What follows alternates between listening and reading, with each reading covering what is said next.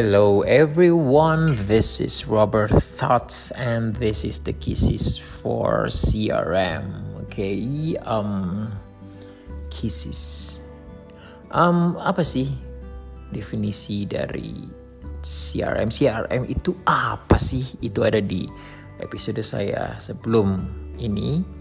Okay, and then um, next um, ketika suatu organisasi sedang bergerak semakin dekat dan semakin dekat menuju ke program pengelolaan program manajemen yang berbasis relationship atau hubungan uh, apa sih langkah-langkah yang harus ditempuh? Ya apakah langkah-langkah yang harus ditempuh organisasi untuk bergerak semakin dekat dengan um, relationship based management programs?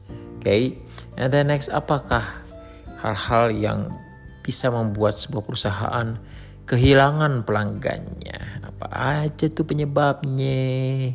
Oke okay, next um, apa sih tips tips yang uh, bermanfaat bagi kita sebagai organisasi uh, ketika kita mencoba memastikan keberhasilan kita di dalam uh, menyediakan customer service atau layanan pelanggan bagi pelanggan-pelanggan kita ya tips-tips uh, bukan tips recorder pastinya oke okay. and then next yang ini juga ada dalam postingan saya sebelumnya silahkan dicari di Robert, uh, episode Robert Thoughts lainnya tentang 12 cara untuk bisa lebih dekat dengan pelanggan 12 cara oke okay.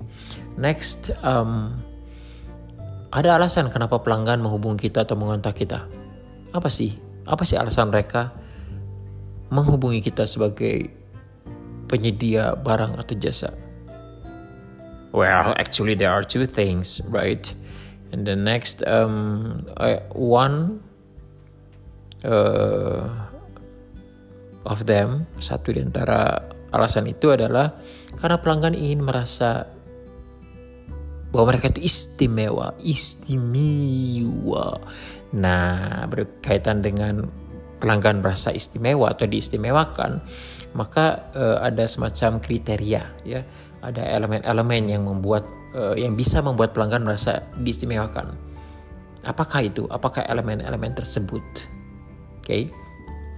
Next maybe you need to also remember about um, apa sih yang dimaksud dengan customer lifetime value customer lifetime value dan bagaimana kita bisa uh, mendapatkan itu dari pelanggan-pelanggan kita. Lalu apa hubungannya customer lifetime value dengan loyalitas pelanggan atau customer loyalty? Loyalty ya itu hubungannya apa sih? Ya lalu uh, mungkin uh, kalau saudara-saudara adalah CEO atau uh, owner atau leader di sebuah perusahaan maka uh, ketika saudara membuat strategi-strategi buat di dalam perusahaan saudara-saudara, apa sih kira-kira strategi yang akan saudara terapkan untuk mendapatkan dua hal ini, customer loyalty dan customer lifetime value. Next, um, berbicara tentang um, customer loyalty marketing ya pemasaran yang uh, fokusnya atau penekanannya pada customer loyalty. Nah, uh, banyak perusahaan melakukan ini? Okay?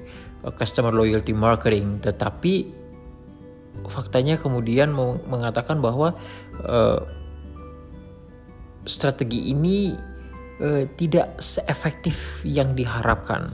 The question is why? Why Shanma? Oke. Okay. Well, I guess itu saja yang mau saya bagikan sebagai the kisses. God bless you all. Jayo. Bye.